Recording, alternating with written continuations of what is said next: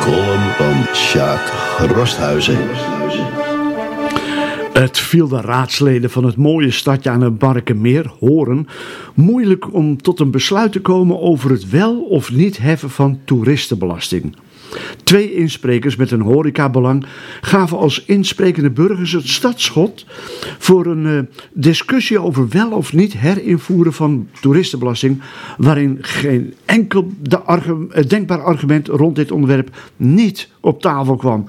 Zowel voor als tegenstanders hebben zich keurig geweerd en in boeiende twistgesprekken het beste van hun kunnen getoond. Lof. Niets anders dan lof voor onze raadsleden. Toegegeven, de stemverhouding is op geen enkel moment gewijzigd geworden, maar daar gaat het natuurlijk niet om. In theorie zou het misschien mogelijk zijn geweest dat individuele raadsleden, of misschien wel een hele fractie, in een aantal gevallen is dat gewoon hetzelfde, een ommezwaai naar het andere kamp hadden gemaakt. Maar theorie hoeft niet eh, per se praktijk te worden. Invoeren van Toeristenbelasting betekent een leuke bijverdienste voor de gemeente. De toerist komt omdat de gemeente genoeg redenen biedt om daar eens gezellig te vertoeven. En dan mag je best wat voor rekenen, vinden in ieder geval de meeste coalitiepartijen. Wanneer je een museum, een pretpark of een dierentuin wilt bezoeken, zul je daar ook je portemonnee voor moeten openen. En horen is natuurlijk, wanneer je goed kijkt tussen bijna dichtgeknepen oogleden door, een soort museum. En je mag daar zonder te betalen gewoon naartoe rijden, iets, iets bekijken of op het terrasje zitten en er dan weer vandoor gaan. Allemaal gratis en voor niets. En daar zijn we in Horen al heel blij mee. Maar wanneer men hier ook de, nacht wil doorbrengen, ja, dan wordt het gratis binnen de museale gemeentegrenzen toe voor iets anders. In de meeste gemeenten wordt voor dat overnachten belasting gegeven. In 35 gemeenten in Noord-Holland wordt het al gedaan. Horen was er in 2011 even mee gestopt om die belasting onder de naam reclamebelasting toch een beetje door te laten gaan. Ik was nieuwsgierig geworden naar wat men de toeristen uit de beurzen aftroggelt. Dat varieert van 52 cent tot 7 euro. De Horense College, of het Horense College, stelt voor 2,50 euro te vragen om daar een beetje tussenin te zitten. Het gemiddelde dat door 35 Noord-Hollandse gemeentes wordt gevraagd is 1,87 euro. Maar dan heb ik daar niet de gemeentes bij gerekend die opgaven dat ze dus tussen 2% en 7% vragen, zoals in Amsterdam.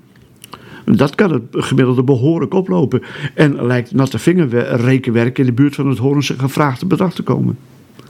Wanneer je ziet wat onze buurgemeentes vragen, dan zou je daarbij kunnen bedenken waarom dat zo is. Drechterland 1,07 euro. Enkhuizen 1,73 Medemblik 1,13 euro en Opmeer vraagt 52 cent. Terecht natuurlijk, want je zult maar een partner hebben die juist in een van die gemeentes de schaarse vakantiedagen wil doorbrengen. Opmeer is zich van dit rijtje waarschijnlijk het beste bewust van de attractieve waarde voor de toerist. In Stedenbroek en Kogeland wordt helemaal niks gevraagd. Velen van ons vinden het ook zeer terecht. En dat horen nu 2,50 euro wil vragen is tegen deze achtergrond best wat te verdedigen, lijkt mij. Nou, daar is niet iedere Horense politicus het direct mee eens.